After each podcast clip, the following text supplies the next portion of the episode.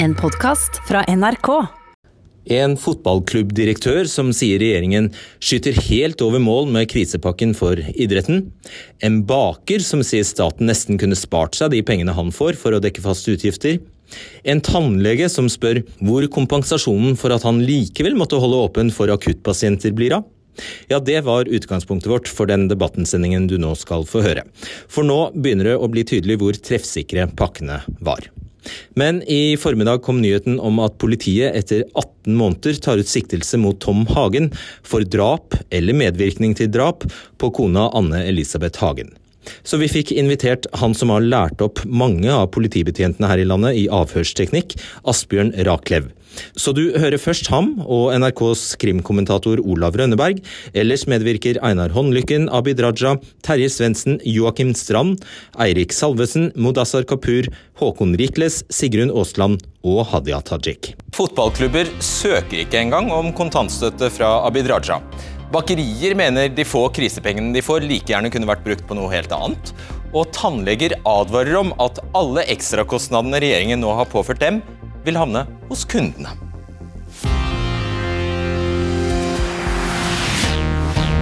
Men først i debatten. Politiet annonserte en dramatisk vending i saken rundt forsvinningen til Anne Elisabeth Hagen. For i dag ble det altså klart at ektemannen Tom Hagen er pågrepet og siktet for drap eller medvirkning til drap. Jeg ønsker vel møtt til eh, avhørsspesialist og politioverbetjent Asbjørn Rakløv, og til NRKs krimkommentator Olav Rønneberg. Start med deg, eh, Rønneberg. Eh, for ordens skyld, politiet ønsket ikke å stille her. Det gjorde heller ikke forsvarsadvokat Svein Holden. Kanskje av forståelige grunner, for vi har vel skjønt at de faktisk sitter i avhør i kveld? Det var i alle fall planlagt avhør nå i kveld, og vi hørte at Tom Hagen var villig til å gi et avhør. og Det er viktig for politiet å snakke med han når han skal fremstilles for fengsling allerede i morgen. Så jeg er usikker på om det allerede er i gang, men det var i alle fall planlagt i dag. og Det kan jo være årsaken til at eh, partene uteblir. Ja, det kan ha mange grunner. Eh, hva er mest oppsiktsvekkende med pågripelsen i dag? Det skjer altså 18 måneder etter at hun forsvant. Jeg vil si at Det var overraskende at det skjedde nå. Vi har jo hørt de som kjenner etterforskningen si eh, at de regner det som 90% sannsynlig at denne saken ville bli oppklart, at den gikk fremover selv om det var stille ute i offentligheten. Men at det skulle skje nå, eh, vil jeg si var overraskende. Også litt måten det skjedde på. Han ble pågrepet på vei til jobb. Eh, politiet kom med sivile biler, stanset han rett og slett fysisk på veien. Tok han med seg og, og tok han da inn til politihuset der. Det er flere grunner til det. Overraskelsesmoment er nok et av de. En annen ting er at de nok ville unngå at han da forsøkte å ødelegge bevis, eh, f.eks. Men da at politiet har fått et gjennombrudd nå, eh, og at det kom eh, i dag, det var kanskje overraskende for mange. Bare spørre deg, for Jeg har hørt deg tidligere si dette her om bevisforspillelse. Hva slags bevis skulle man kunne forspille 18 måneder etterpå? Man kan jo da rent generelt, Politiet er jo tilbakeholdne med, med, hva de har, men man kan jo rent generelt tenke seg at han f.eks. har blitt avlyttet hjemme eller på telefonen sin, og at det er viktig for politiet å sikre mobiltelefonen hans. Eh, det er klart, Kommer de og banker på eh, Hei, kan du komme ut her? Så kan han jo ødelegge den telefonen. Slippe den ned i vasken eller, eller på andre måter ødelegge den. Det er vel sånne ting de vil unngå. Eh, F.eks. de vil sikre seg kontroll over situasjonen. da. Men det er, ikke, det er, ikke, feil forstått at dette er et hus politiet har gått inn og ut av? Åpenbart, men, men, de har gått inn og ut tidligere på helt andre premisser. Nå har de en, en, kjennelse, de har siktet mannen. Da har de helt andre rettigheter. Vi har jo sett kriminalteknikere gå inn i dag med verktøy, stiger, arbeidslys. Det er grunn til å tro at de endevender dette huset nå, brekker opp gulvene, går løs på badet for å se om det er mulig å finne spor på den måten. Politiet har et helt annet sett med metoder som de har tilgang til å bruke idet de har tatt ut en siktelse. Og Når politiet da faktisk går ut og sier at de er, eh, de er eh, gjenstand for en planlagt villedning, hvordan skal vi tolke det? Eh, man kan ikke tolke det på noen annen måte enn at de mener at Tom Hagen bevisst at han har forfalsket dette, eller laget dette trusselbrevet da, og bevisst forsøkt å lede politiet i en annen retning enn seg selv. Og Så er det jo et spørsmål her om han har gjort dette alene, eller om han har gjort dette sammen med noen. Eh, vi hører jo En av grunnene til at politiet er så til de grader tilbakeholdne med opplysninger, er jo at de åpner for at det kan ha vært flere inne i bildet her, og at disse personene da fortsatt er på frifot. Ja. Asbjørn Raklev, du har doktorgrad i politiets etterforskningsmetoder. og var sentral under innføringen av nye avhørsmetoder i uh, politiet. Jeg skal understreke før vi setter i gang at du skal ikke kommentere denne saken, selv om det skulle vi gjerne ha gjort, skulle vi gjerne at du gjorde, men, uh, men det er vel ryddigst at du ikke gjør det. Vi hørte politiet på pressekonferansen i dag si at Hagen-saken har så stor offentlig interesse at de velger å si mer enn det de normalt gjør. Hva betyr det i dine ører? Det er klart, eh, eh, en, etterforskning, en, så stor etterforskning som har pågått over så lang tid, hvor pågripelsen kommer på et så sett tidspunkt, volder ekstraordinære utfordringer for politiet. Det ligger i sakens natur. Nå står vi overfor en formidabel utfordring.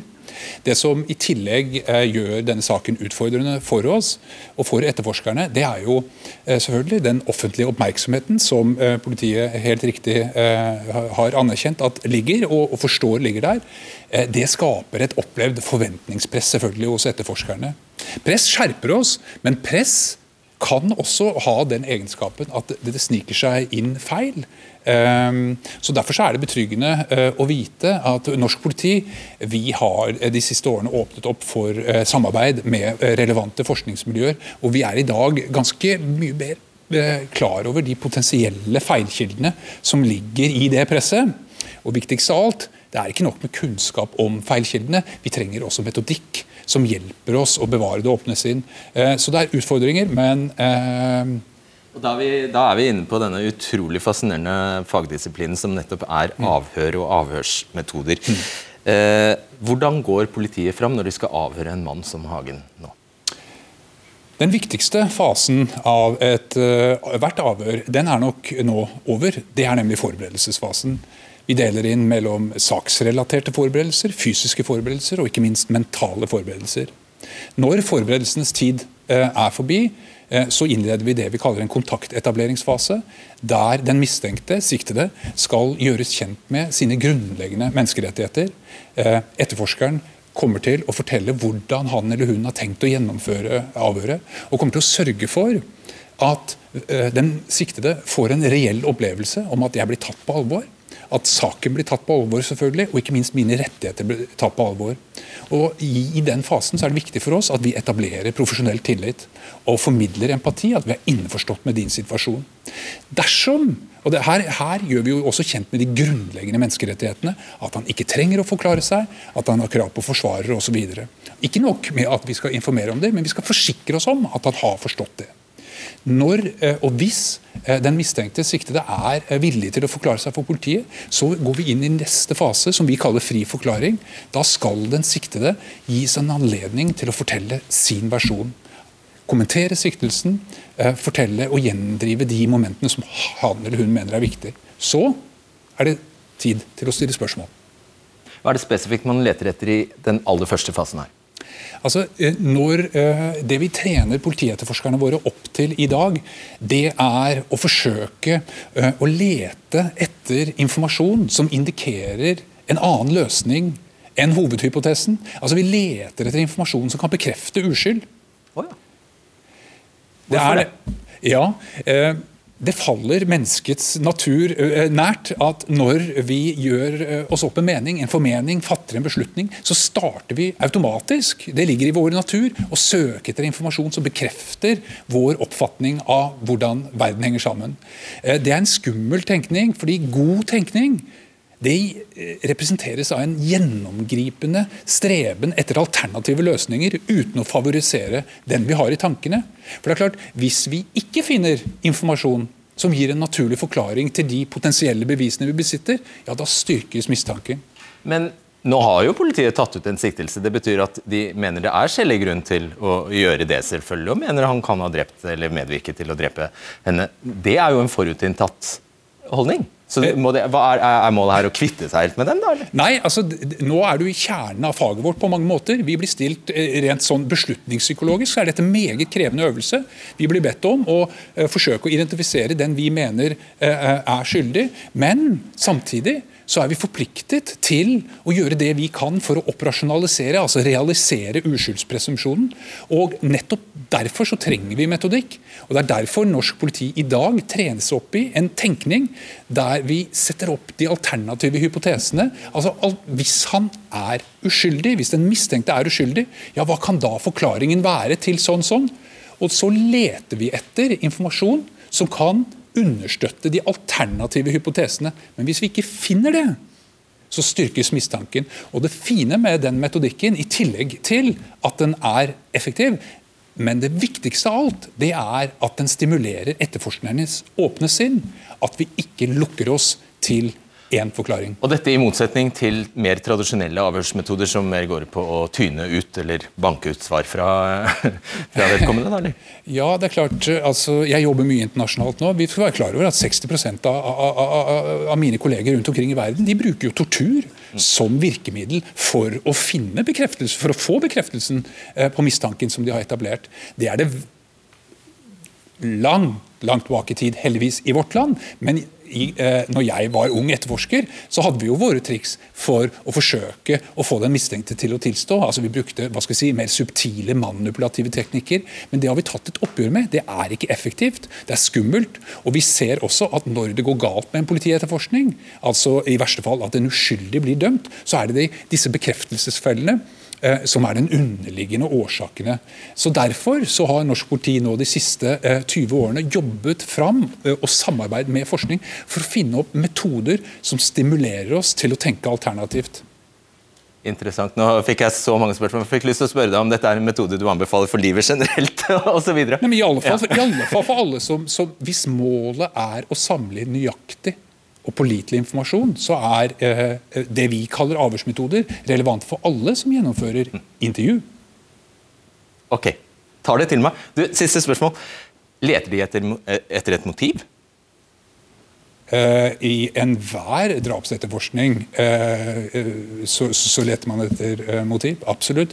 Vi leter etter informasjon som kan belyse sakens alle sider. Hjertelig takk. Olav Rønneberg, veldig mange har påpekt at det er et uh, ganske stort element av klassejustis i denne saken. For i hvilke andre saker ville politiet etter så mange måneder med villedning, da, som, uh, som, de selv sier i dag, brukt så enormt mye ressurser på å etterforske og lete og søke? Hvis det ikke var Hvilke andre saker enn, enn de sakene som involverer mange milliardærer? Eh, vi kan jo tenke oss eh, Jämtland-saken i Hedmark. Der også brukte politiet enorme ressurser. Den ble jo oppklart raskere. Men der også satte man store ressurser inn. Man, man, og i alle fall så håper jeg at det er samme behandling uansett hvem som blir utsatt for en eh, kriminalsak her i landet. Men denne saken har tatt tid, og den er jo ennå ikke oppklart. Det er viktig å si det. Tom Hagen nekter all skyld. Det er politiet som har bevisbyrden i saken. Det er de som må bevise at han er skyldig ikke motsatt. Og, og, Det er viktig for politiet nå å finne Annelise Elisabeth Hagen. Finner de henne ikke, eh, hvis han ikke legger kortene på bordet, nekter all skyld, da kan politiet fortsatt ha ganske store utfordringer foran seg. Hva skjer nå?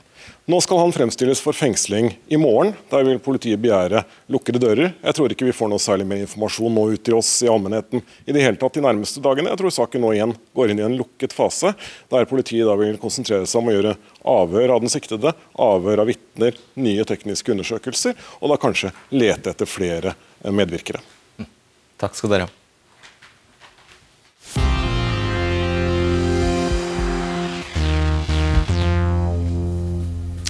Ja, da til noe helt annet. Fungerer krisetiltakene? Altså, du vet De krisetiltakene mot koronapandemien som har ført til at hver tiende arbeidstaker nå er helt uten arbeid. De tiltakene som har kostet nær 400 milliarder kroner ifølge Finansdepartementet. Fungerer disse tiltakene? Vel møtt til Abid Raja, Terje Svendsen og Einar Håndlykken. Sistnevnte er daglig leder i Odds fotballklubb i, eh, i Vestfold og Telemark. Beklager ordbruken, Håndlykken, men det er sånn det er. Du sier til eh, VG at uh, krisepakken til idretten er totalt bomskudd som tiltak for uh, fotballen. Hvorfor det? Nei, nå sitter jeg her på Skagerrak Arena, og her skulle vi vært inn i de siste forberedelsene til hjemmekampen mot Bodø-Glimt til helga, men her er det helt stille. Vi, det blir ingen kamp, vi spiller ikke kamper, og det er klart da klarer vi ikke å generere inntekter. Og når vi også vet at næringslivet og dermed sponsormarkedet har stoppa, så er vi i en veldig vanskelig situasjon. Og det fortvilende er at krisepakkene fra regjeringa de treffer overhodet ikke. De treffer ikke vår som toppklubb, eller toppklubbene i Norge. Og Da er vi også en breddeklubb, og jeg er sjøl aktiv som pappatrener der. Og vi ser at pakkene ikke treffer bredden. Når jeg snakker med mine, mine, kolleger i håndballen, så sier de at det ikke treffer, og for så vidt også hockey. Så det treffer ikke de store lagidrettene, og de har ikke truffet virkeligheten ute i Klubb-Norge. Og Hva er den korte forklaringen på at de ikke treffer? Nei, Det er fordi de har en veldig begrensa innretning, da, hvor de i realiteten bare dekker eh, billettinntekter eh, for avlyste kamper. Våre kamper er ennå ikke avlyst. Eh, og deltakeravgifter. Så det virker jo egentlig som om pakken er lagd for Birken, Holmenkollstafetten, Norway Cup, sånne enkeltarrangementer. Men de treffer ikke, i hvert fall ikke klubbidrettene, og sikkert veldig få andre idretter i det hele tatt, ja, som har, klubbdrift hele året. Unnskyld, det, ja, det, du har gått så langt som å si at kulturministeren, idrettsministeren, ikke har forstått hva lagidrett er. Ja, altså Virkeligheten ute i Klubb-Norge eh, er jo ikke skjønt. Vi får ikke støtte for grasrotmidler, for sponsormidler, når vi har parkering, kiosk, Eh, når jeg er på fotballcuper her i naboområdet med guttungen min, så er det jo inntektene fra kiosk og fra parkering som eh, ikke blir dekka. Eh, de Cupene er gratis, og det har myndighetene oppfordra oss til, sånn at alle skal få være med. Men det innebærer da at disse breddeklubbene taper hundretusenvis av kroner fordi pakkene er altfor snevre. Okay. Så her Altså, vi skal ha forståelse for at Raja er ny, og de har hatt mange hensyn å ta og stort arbeidspress. Men nå er det alvor, eh, og nå kan dette ramme både topp- og breddefotball eh, veldig sterkt. Er du så ny og ivrig Abid Raja, at du rett og slett glemte å forhøre deg med fotballklubbene, f.eks. hva de trengte? Så ny og fersk er jeg jo ikke, Nei, som Molviken eh, vil ha det til. Nå er det slik at 11 av de 32 klubbene som er i de to øverste divisjonene, de er jo da organisert slik at de kan søke på den brede kontantstøtteordninga som regjeringa har laget, som er estimert til 20 milliarder per måned. Og så er det jo fakta slik at 11 av de 16 eliteserieklubbene de, jo, de kan søke på den billettstøtteordninga. Idretten som sådan har allerede søkt om eh, Eh, kvart, litt over kvart eh, milliard eh, på den ordninga. Og Odd, f.eks., den fotballklubben som vi har, her, jeg skjønner at det er en vanskelig situasjon, for det er det for hele samfunnet. Hele samfunnet er jo rammet av koronapandemien. Vi ser jo 450 000 arbeidsledige og permitterte, og mange lønnsomme bedrifter gikk jo fra full drift til null drift over natta. Ja, Men for å nevne bare Odd, ja, bare for å nevne Odd som et eksempel, så jeg forstår at de mener at vi bommer. og Derfor har jeg sagt to ting. Det første jeg sa med en gang, var at det er ikke sikkert vi kommer til å treffe med disse ordningene. Da må vi gjøre nødvendige justeringer. Og når vi fikk disse tallene, søknadene, så var det første jeg sa med en gang vi så dette, det ene jeg sa, var at vi skal gjøre de nødvendige justeringene. Og så har jeg notert meg at uh, Odd har jo faktisk lagt inn en søknad om uh, litt over en uh, kvart million kroner. Så det må jo være åpenbart slik at Odd mener at de kommer inn under en av disse ordningene, da. Au da, Hanlykken, har du gjort det? Vi har søkt, ja. Eh, men det er klart det er på en svært begrensa del av vårt budsjett. Vi går jo nå mot eh, ja, 15 millioner kanskje i tapte inntekter. Eh, og det her er bare en veldig liten del av våre inntekter. Vi får ikke inn sponsormidler. Det dekker ikke spillemidler, kiosk, parkering, grasrotmidler. Og det er virkeligheten ute i Klubb-Norge. At i realiteten så er dette på noen få prosent av våre inntekter som det er mulig å få dekka, gjennom pakka. Eh, det aller meste faller utafor. Det eh, håper vi at eh, Raja nå tar tak i. Vi har forståelse for at det er mange hensyn der ute. Men nå begynner det å kunne bli alvorlige konsekvenser ute i Fotball-Norge og ute i Klubb-Norge. Og det trenger vi hjelp til. Eh, helt ærlig, altså Vi skal gjøre de nødvendige justeringene som vi skal gjøre. Men jeg tror fotballen bør tenke seg om, om hvorvidt det er skjønnsomt å be staten dekke bortfall av sponsorinntekter. Når vi vet at veldig mange bedrifter over hele Norge måtte stenge ned. Og det vi har dekket, det er altså uunngåelige kostnader som leiekostnader, frisørene fikk dekket. Dette forsikringer, helt helt nødvendige kostnader. Jeg tror det, å, det at fotballen skal be staten dekke sponsorinntekter, er jeg litt usikker på hvor skjønnsomt det er. Eh, vi kan spørre deg om det. Terje Svendsen, du er president i Norges eh, Fotballforbund. Det er en kjensgjerning at sponsorinntektene faktisk holder fotballen i stor grad eh, i gang. Så hvor skjønt, men jeg, kan, kan, bare gjøre hans spørsmål til mitt. Hvor skjønnsomt er det å be om å få, få dekket sponsormidler? Altså, Vi har ikke bedt om å dekke sponsormidler direkte. Vi har sagt at det er vesentlige elementer i enhver klubbdrift, i ethvert idrettslags inntektsgrunnlag, som ikke oppfattes av ordninga. Sånn at Det vi er opptatt av, det er jo at, som Håndlykken har vært inne på, vi er jo redd for at idretten og idrettslag, også fotball og, klubber, faller mellom to stoler. Det, altså når, når, det nå søkes kun om 264 millioner av en ordning på 700 millioner ut april, så viser jo det at innretninga ikke, ikke, har truffet helt. Og, og det er vesentlige elementer i, i breddeidretten som uh, faller utenom. Og så er det også den, de, den delen av, av, idrettslagene som uh, Håndlykken representerer, de har 1,3 milliarder i media, markeds- og billettinntekter. Så det er klart at det er store verdier på spill. Men også for bredden. I dag så fikk jeg et varsel fra Lørenskog eh, IL, som har 1000 fotballspillere, 80 lag. De har altså, skaffet hele sitt inntektsgrunnlag på våren i form av treningsavgifter, mm. i form av samarbeidsavtaler. De mangler tre millioner og kanskje må stenge aktiviteten sin. Gi meg ikke helt med disse sponsormidlene, fordi det er de 600 dere har søkt. Du har bedt om 600 millioner bare til fotballen det, det, må involvere noe sponsormidler, gjør det ikke det? Vi, vi, har, eh, vi har, estimert det, det, kortsiktige behovet for eh, bredde og topp til 300 millioner hver, til sammen 600 millioner for inntekter frem til nå. Og Det, det inkluderer også markeds, markedsmidler. For, vi, for at toppfotballen de trenger også likviditet for å få i gang for ja, Når du sier markedsmidler, så forskjønner du det jeg kalte sponsormidler? Ja, og ja. media, markeds- og mediemidler. Ja, så det er det samme? Ja, og billettinntekter som er borte. Ja. Greit. Eh, siste, siste, spørsmål til deg, Håndlykken. Har dere kuttet lønningene til spillere? Har du kuttet din egen lønn? Har du, hva har dere gjort? Ja da, vi har permittert uh, rubb og stubb i klubben her. Jeg er sjøl 50% permittert, og folk er permittert fra rundt 50% opp til 100% Så vi har gjort alt vi kan for å kutte våre kostnader. Uh, men det er viktig å skjønne at når inntektene blir borte, så er det vanskelig å få dette til å gå rundt.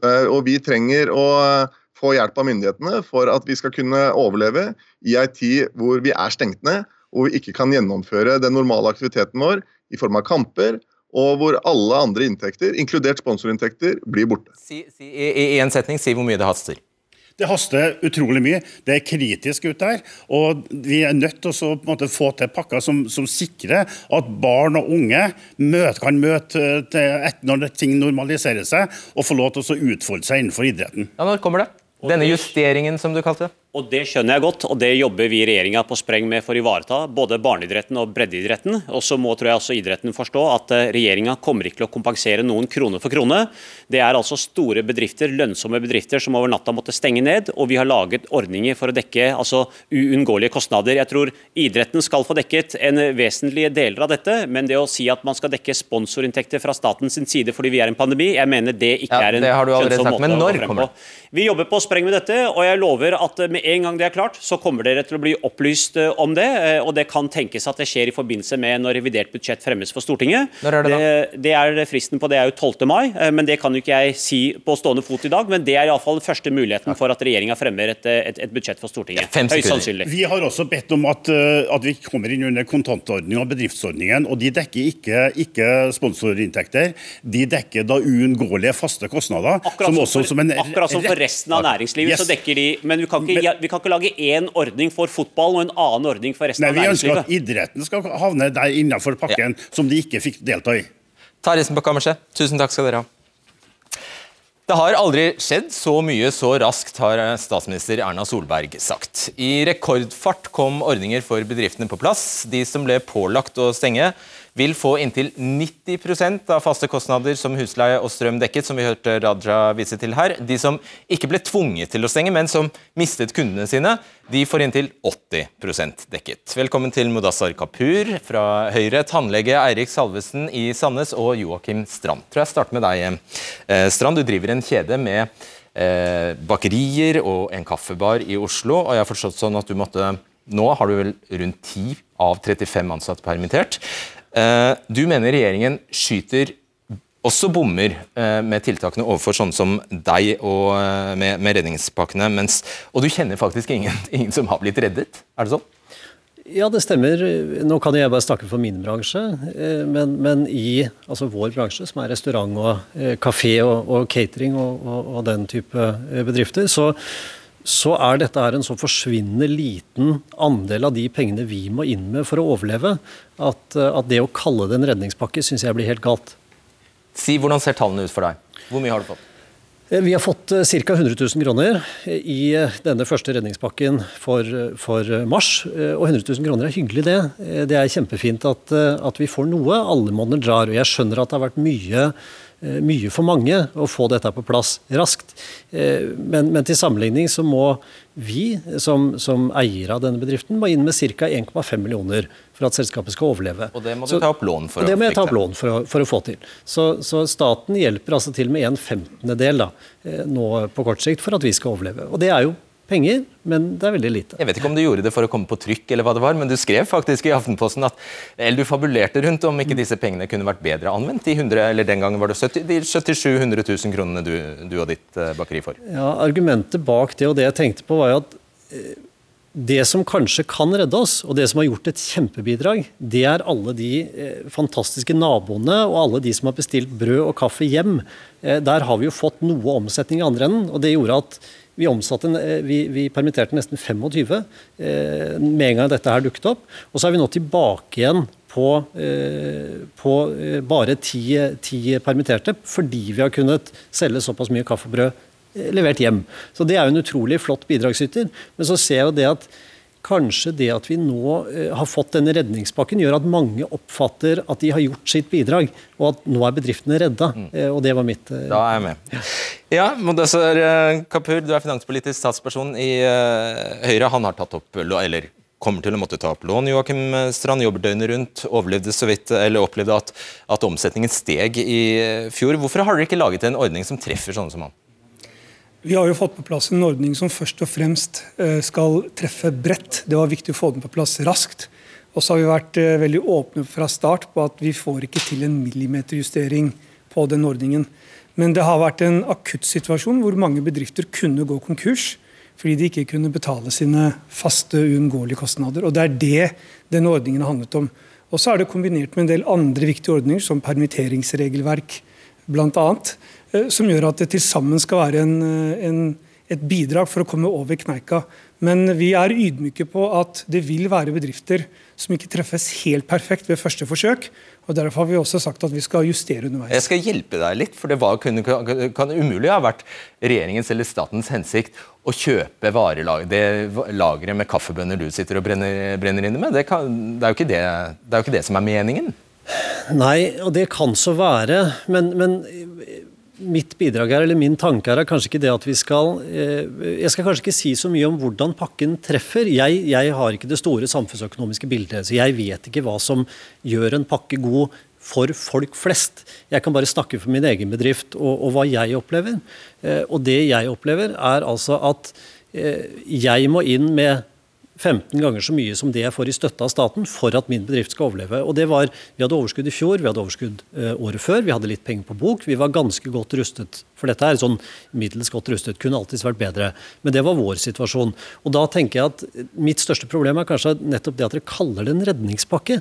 Og at det nå er en sånn retorikk rundt dette her om at nå har vi redda bedrifter. Og det syns jeg vi må slutte med, for det er ikke riktig. Svar kort på det. Ja, også... Eh du kan kalle det for en redningspakke, kontantstøtteordning, men det viktigste har vært å hjelpe bedrifter over kneika, slik at de får betalt sine uunngåelige faste kostnader. Vi vet at mange som har måttet stenge på kort varsel, eh, selv om ikke de har hatt en omsetning hver dag, så ligger det faste kostnader hver dag. Og så er vi eh, selvfølgelig på lag med alle dere som prøver å holde hjulene i gang, prøver å holde de ansatte i gang. Eh, og dette har jo aldri vært meningen at det skulle dekke omsetningstapet, men dekke de faste kostnadene. Superkort.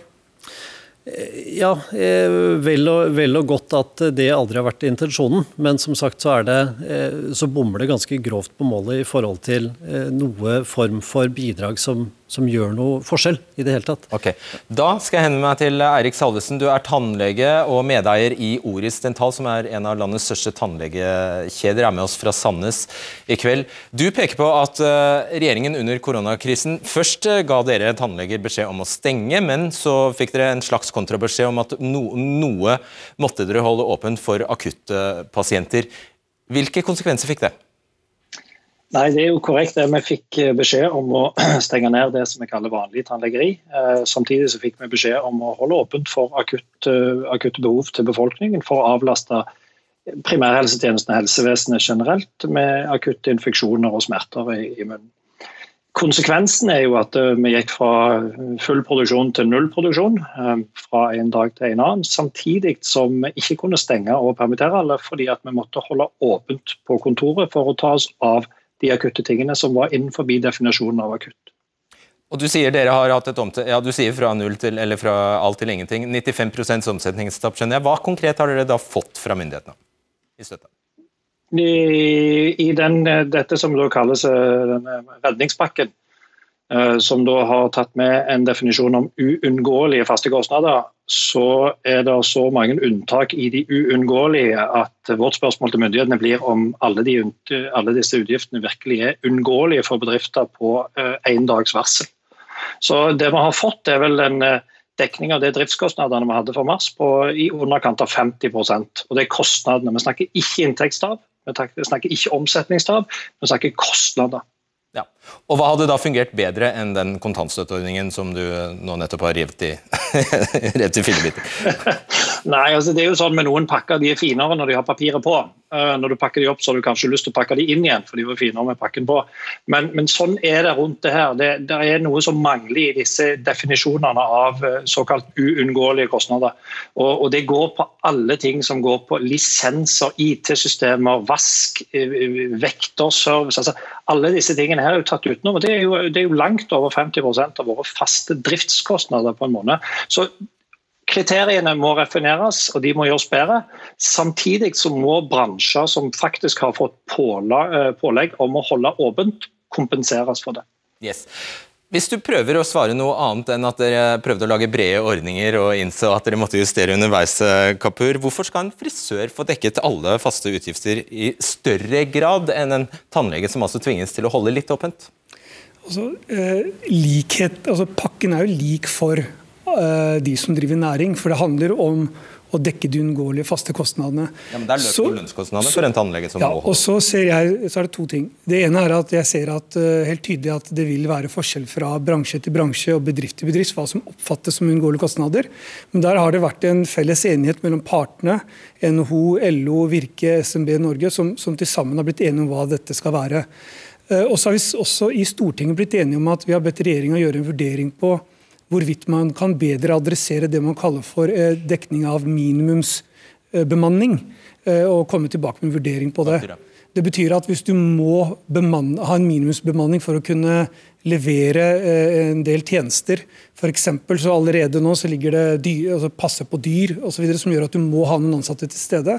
At man ser på en ny vurdering av hva en minimumsbemanning kan bety for enkelte bransjer, og hvordan man i så fall kan dekke det bedre. Var det litt fortrøstningsfullt, eh, Salvesen?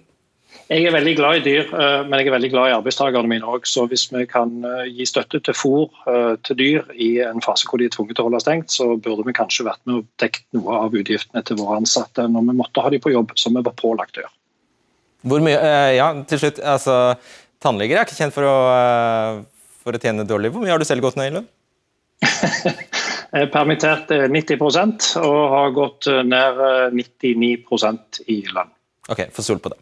Greit, takk skal dere ha. Og Da skal jeg ønske vel møtt til Arbeiderpartiets Hadia Tajik, Sigrun Aasland i Tankesmien Agenda og Håkon Rikles fra Civita. Ja, du skal selvfølgelig bli stående, Kapur, sånn var det. Eh, helgen startet fredag den 13. Eh, mars. Eh, helgen som startet med fredag den 13. mars, skjedde det noe helt spesielt på Stortinget. Ifølge VG regnet regjeringen med at denne krisepakken skulle gli ganske greit igjennom, men den gang ei. I løpet av den helgen slo nemlig Frp, Arbeiderpartiet, Senterpartiet og SV seg sammen til firerbanden. Regjeringen hadde angivelig foreslått en pakke til 2,6 milliarder kroner, mens firerbanden plusset på 31 milliarder før den helgen var over. Håkon Riklis, du er samfunnsøkonom i Civita og lokalpolitiker for Venstre. skal legge til det, for Venstre i Oslo. Og I en tekst i VG kaller du prosessen som ledet fram til denne krisepakken for uforsvarlig, og at krisen i verste fall kan ha blitt forverret av det politikerne gjorde. Hvorfor det? Ja, også akkurat hvordan prosessen har vært, eh, det er basert på det som VG skrev. Eh, men det man kan se, er at resultatene kanskje ikke har vært helt etter hensikten på noen områder. Vi, ser, vi kan sammenligne oss selv med Danmark, som har hatt omtrent samme smittestasjon, omtrent samme smittebegrensningstiltak, og i tillegg så har vi omtrent kopiert deres kontantstøtteordning. De har hatt en økning i antall arbeidsledige på under 100 000. Vi har hatt en økning på over 300 000. Og den store forskjellen er? Og den virkelig store forskjellen er at vi valgte en ordning hvor vi ga 100 permittering i 20 dager. og det er, eh, det er, på sett og vis en god intensjon bak det, for det sikrer inntekten til folk. Eh, men det betyr også at eh, det på sett og vis er en invitasjon til bedrifter å permittere for sikkerhets skyld. Og det gjør at bedrifter som ikke får sine lønnskostnader dekket på noen annen måte når omsetningen forsvinner, er på sett og vis tvunget til å permittere. Og Det er det du mener med at det kan ha med forverring, en potensiell ja. forverring, nemlig at vi har fått en veldig høy arbeidsledighet. Ja, og det man kunne sett, er, ene man kunne sett, er at de, de fleste andre land har valgt en permitteringsgrad på 90 eller 80% inntekt, så blir det en liten eh, medbetaling for enten arbeidsgiver eller arbeidstaker. Og Mange land har eh, etter kopi av Tyskland valgt en form for lønnstilskudd, hvor man dekker deler av bedriftenes lønnskostnader eh, fordi de ikke permitterer. Så Da blir det da lettere for bedrifter å holde ansatte for, i arbeid. At de ansatte i stedet hadde fått lønn som vanlig ja. fra arbeidsgiver, i stedet for å gå på Nav. Og Så dekker staten deler av den lønnen i kriseperioden. Og På den måten så holder man hjulene i gang på arbeidsplassen, og man har også mulighet til å bruke den krisen til omstilling på en måte man ikke har nå, når alle skal permitteres. Slik så får man ikke dekket noen av utgiftene. Ned. Nå skal vi teste om vi får til noe skjønt her. For Sigrun Aasland, du er eh, i likhet med Rikles også økonom, men kommer fra sentrum-venstre-tankesmien Agenda, der du er nestleder. Hvor mye av dette var du enig i? Jeg tror ikke det er noen tvil om at vi har permittert altfor mange, og vi har gjort det for enkelt eh, å permittere. Det er, så det er jeg helt enig i. Eh, og det jeg tror Uh, I tillegg jeg synes er bekymringsfullt, er jo at vi ser hvem det er som ble først permittert. og Det er de som hadde lavest inntekt fra før, og de som hadde kortest utdanning fra før. Og de som kanskje kan ha lengst vei inn i arbeidslivet igjen etterpå. Og Så skjønner jeg uh, at man måtte gjøre mye raskt, og det var ekstremt viktig for økonomien å få løsninger raskt på plass. Uh, men framover nå så blir det jo veldig viktig å få folk inn i jobb. Mm. Eh, og Det kan være ulike løsninger å få til det på. Og så i tillegg passe på at man benytter anledningen da når aktiviteten er litt lavere, til å bygge kompetanse hos noen eh, av de arbeidstakerne som kunne fått lønn for å lære mer, istedenfor å få betalt for å gjøre ingenting. Hadia Tajik, del av firerbanden, angivelig. Hvorfor gjorde, gjorde, dere dette? Dere skapte altså en massearbeidsledighet, samtidig som de det gjelder, da, som faktisk eh, blir permittert, fikk bare inntektssikring noen få dager. Jeg syns det er helt rimelig å diskutere om man burde gjøre andre typer endringer eller andre typer initiativ som ble tatt uh, denne helgen. Men jeg syns det er ganske drøyt å si at uh, den enigheten som Stortinget kom til på tvers av alle partiene, har bidratt til å gjøre at det er så mange permitterte. Realiteten er jo at uh, man har vært nødt til å iverksette smitteverntiltak som har gjort at mange bedrifter har måttet holde stengt, og mange bedrifter har opplevd et ganske stort omsetningsfall, som òg får betydning for permitteringer permitteringene. Men jeg må jo også si at i en situasjon der man ilegger den type sterke smitteverntiltak og sier at nå må dere stenge ned, så er jo det solidariske nettopp å stille opp for alle de folka som må gå hjem og være uten jobb. Og Det var det initiativet som Arbeiderpartiet stilte seg i spissen for. Altså at man sørger for inntektene til de mange som er direkte berørt av dette. her. Man må sørge for at det er en sosialt rettferdig inntektssikring. Og det regjeringen la fram, hadde ikke det i seg. Mm. Ok, Aasland først, og så Riklitz. Ja, jeg har lyst til å legge til en endring som skjedde i den helgen du, du nevnte som, som, ble veldig dyr, som jeg tror var viktig å, å, svare på noe av det som vi hørte tidligere i programmet, nemlig som handler om kjøpekraften til de som har blitt permittert eller har mistet jobben. Eh, og I det som opprinnelig lå på bordet, så var det et mye sterkere inntektsfall for de som ble permittert fordi bedriften måtte stenge ned. Eh, og Det å passe på at kjøpekraften opprettholdes hos de lavest betalte gruppene i en sånn krise, det er utrolig viktig. Ikke bare for de gruppene det gjelder, men for økonomien som helhet. Uh, Greit. Svar kort også, Kapur. Ja, det, det, som mangler i den analysen til Hadia Tajik, er en sammenligning med andre land som også har tilsvarende smittesituasjon. Også hatt en stor økning i arbeidsledighet, men ikke en like stor som i Norge. Fordi de typisk har valgt litt andre ordninger. Og Det er derfor jeg mener det var uforsvarlig det de gjorde. Fordi de hadde tatt seg litt mer tid, kanskje noen dager, på å få svar og utredninger på hvordan disse ordningene vil slå ut, så ville de kanskje gjort de små justeringene som kunne betydd veldig mye. Det vil jeg gjerne svare på. For jeg syns det er helt fair å sammenligne med andre land, men sammenligningen som Rikles fra Høyre tenker familietanken drar med Danmark, er jo egentlig ikke den er jo ikke sammenlignbar. Danmark har helt andre typer regler knytta til permitteringer enn det vi har i Norge. Eh, så, altså, sånn som det funka hos de, så risikerte en del arbeidsfolk enten oppsigelser eller å bli sendt hjem uten lønn. Og Det staten da gjorde, var å stille opp for de arbeidsfolka og kompensere for den lønnen. Og Det det innebærer for de danske arbeidstakerne, er at de faktisk får full lønn til juli. Altså jeg vil si en bedre og rausere ordning enn det vi har fått i, okay, i Norge. Hold, hold, du, du, skal få svare, men eh, først, uh, Kapur. Det er flere arbeidstakerorganisasjoner som også har etterlyst lønnstilskudd framfor den uh, de endringene av permitteringsreglene dere kom med. Ja, også, eh, bare for å ta et litt skritt tilbake, og jeg skal ikke bruke dette trikset, men la meg først si sånn og sånn. Altså, bare for å gå inn i materien med en gang. Forbilledlig. altså, det, det, var snakk om, Dette er ikke snakk om videosjappa som måtte stenge fordi ikke de så Netflix komme. Dette handler om bedrifter som måtte stenge fordi staten innførte en del smitteverntiltak. Og Da må også staten stille opp med en inntektssikring for den enkelte arbeider og enkelte familie, men også en god inntektssikring for, og likviditet for bedriften.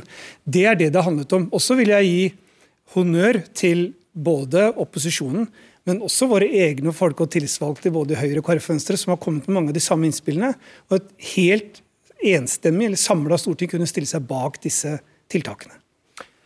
Eh, du skal få med et spørsmål på veien. Du kan jo svare, men du skal få med et spørsmål. Altså, de eksemplene vi ga før dere kom inn her, de peker jo i motsatt retning av det du tar til orde for. De ber om mer penger. Ja, men En ting man, som jeg tror ville imøtekommet dem, var hvis man f.eks. hadde delvis eh, lønnstilskudd, dekket deler av lønnskostnadene. Eh, og så for tror jeg at eh, Å kutte arbeidsgiveravgiften, som er et ganske dyrt tiltak, koster 10 milliarder kroner, det gjør jo til at alle bedrifter får lavere kostnader, også de som ikke er rammet av krisen. Ja, for det er bare Minn oss om, om hva som skjedde der. Arbeidsgiveravgiften ble senket med 4 prosentpoeng. Poeng. Eh, og, det, og, det, er en veldig dyr ordning som er lite målrettet. Så Hvis man hadde brukt de pengene annerledes, så kunne man da eh, hatt det for, for, Det er ikke totale utgiftene som er problemet, det er innretningen i til dels detaljnivå som gjør at man har fått en mindre optimalt resultat. man kunne. Altså at det er for bredt og lite treffsikkert? var det Delvis, cirka sa. Eh, en bransje som f.eks. nyter godt av denne allmenne senkingen av arbeidsgiveravgiften, er dagligvarebransjen, som er det virkelig har heydays. Altså, Vi har ulikt syn på hva som er viktig her. Fordi det arbeidsgiveravgiften er ganske målretta på, det er jo arbeidsplasser der det er ansatte. Altså Det retter seg mot bedrifter der det jobber arbeidsfolk. Og det vi hadde behov for, var å finne nettopp Ja, det gjør det i dagligvarebransjen. Altså, det, er en, det, er jo et godt eksempel på hvor lite treffsikkert det er. da. Dagligvarebransjen har gode gode dager. De hadde ikke trengt noen senkning. Man kunne selvfølgelig brukt lengre tid, og ja. da løpt den risikoen at de bedriftene som trenger likviditet, ikke hadde fått det i tide. Da hadde man risikert flere konkurser, flere oppsigelser og flere arbeidsfolk som hadde gått uten inntektssikring. Og Det kan godt være at det er en risiko som Rikles mener at man bare kunne løpt. Det mener i hvert fall Arbeiderpartiet at ville vært feil. Og Vi så behovet for å ta noen nye, sterke initiativ fra Stortinget sin side. Nettopp fordi vel, finansministeren innrømmer jo sjøl at den krisepakken som han la fram, den første krisepakken 13. mars, den var lagt ferdig før Norge ble stengt ned dagen før. Med andre ord, man la fram en krisepakke som overhodet ikke var dimensjonert for de problemene og de utfordringene og de permitteringene som man så at ville komme. Det var et massivt behov som ikke var regna inn i krisepakken fra regjeringens side. Ja, vil du svare kort? Ja, altså Jeg er ikke uenig med at man hadde trengt større tiltak. Jeg er ikke uenig med at man skal ha inntektssikring eller sikre at uh, bedrifter uh, som har mulighet til å overleve, ikke går konkurs i den korte nedstengingsperioden. Men man har valgt rekke ordninger som ikke er målrettet for det. Uh, og Da kunne man gjort de ordningene som er målrettet for det, som man også fikk på plass innen rimelig tid, kunne man da gjort uh, f.eks. mer sjenerøse for de samme pengene. Hvis regjeringen og opposisjonspartiene firerbanden hadde tatt seg litt bedre tid, da, hva kunne de oppnådd da?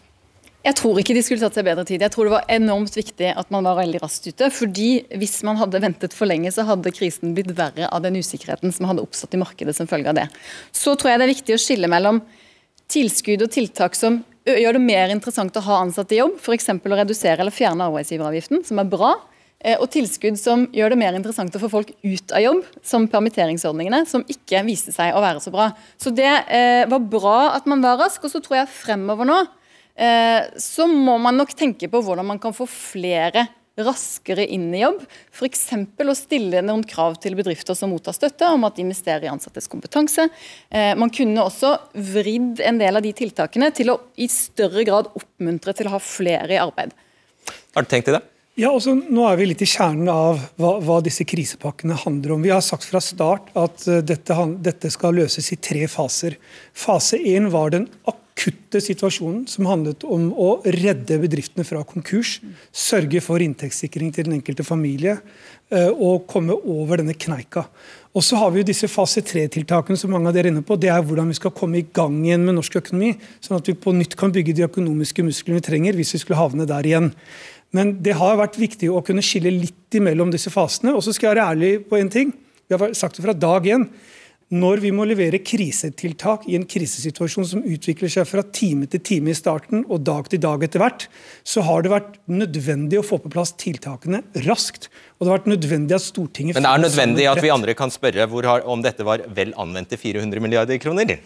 De pengene, Skattekroner? Ja, fordi dette handler om å faktisk redde norsk økonomi og norske ja, Så da må vi andre kunne spørre, Er det riktig bruk av de 400 milliardene? Ja, for det handler om å redde de fremtidige generasjoners velferd. Ja, Det er vi alle enige om, faktisk. Altså, og Hvis mange bedrifter hadde gått konkurs nå, eh, programleder, så hadde ikke folk hatt en jobb å komme tilbake til. Så denne, denne krisen kommer til å ha en mye lengre hale enn det vi bare diskuterer nå. Og Derfor så står jeg inne for de tiltakene vi har lagt frem, og de vi har forhandlet frem med opposisjonen. Men denne kontantstøttepakken er, er bl.a. skrudd sammen sånn at den største mottakeren så langt er Travel Retail Norway, som eh, er bedre kjent som taxfree-selskapet. Som er eid av Norgesgruppen og en eh, milliardær fra Drammen og, og, eh, og Heinemann-konsernet. Eh, ja, hvorfor er det fornuftig? Altså, det er jo arbeidsplassen vi er opptatt av. Og det at de ansatte skal kunne ha en jobb å gå tilbake til. Det er det som har vært utgangspunktet for kompensasjonsordningen for de små og mellomstore men, bedriftene. Men der er jo problemstillingen at den som skriver den regningen på husleie, det er statlig Avinor. Så det som skjer, er at Travel Retail Norway er nødt til å søke staten om penger for å få betalt en regning fra staten. Jeg tror ikke det er vanskelig å finne svakheter ved den ordningen, dessverre. Jo, men det er det, og jeg tror man skal være ærlig om det òg. Og derfor er jeg glad for at regjeringen sjøl sier at de kommer til å fortløpende evaluere den og å gjøre nødvendige endringer.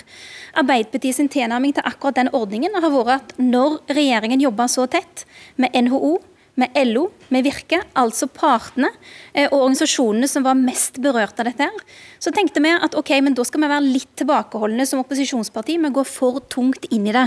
Men er det behov for justeringer, så er vi selvfølgelig klare for å gjøre de justeringene. Ja, det har vi sett, Det har vi sett demonstrert. Ok, jeg sier tusen takk eh, for eh, oppmøtet. Lyden av debatten med noe attåt kan du høre på podkast på gjensyn torsdag. Redaksjonen oppsummerte med at det ble litt for lite tid, altså litt for mange gjester, og jeg personlig skulle jeg gjerne hørt litt mer om avhørsteknikken. Det fascinerte meg.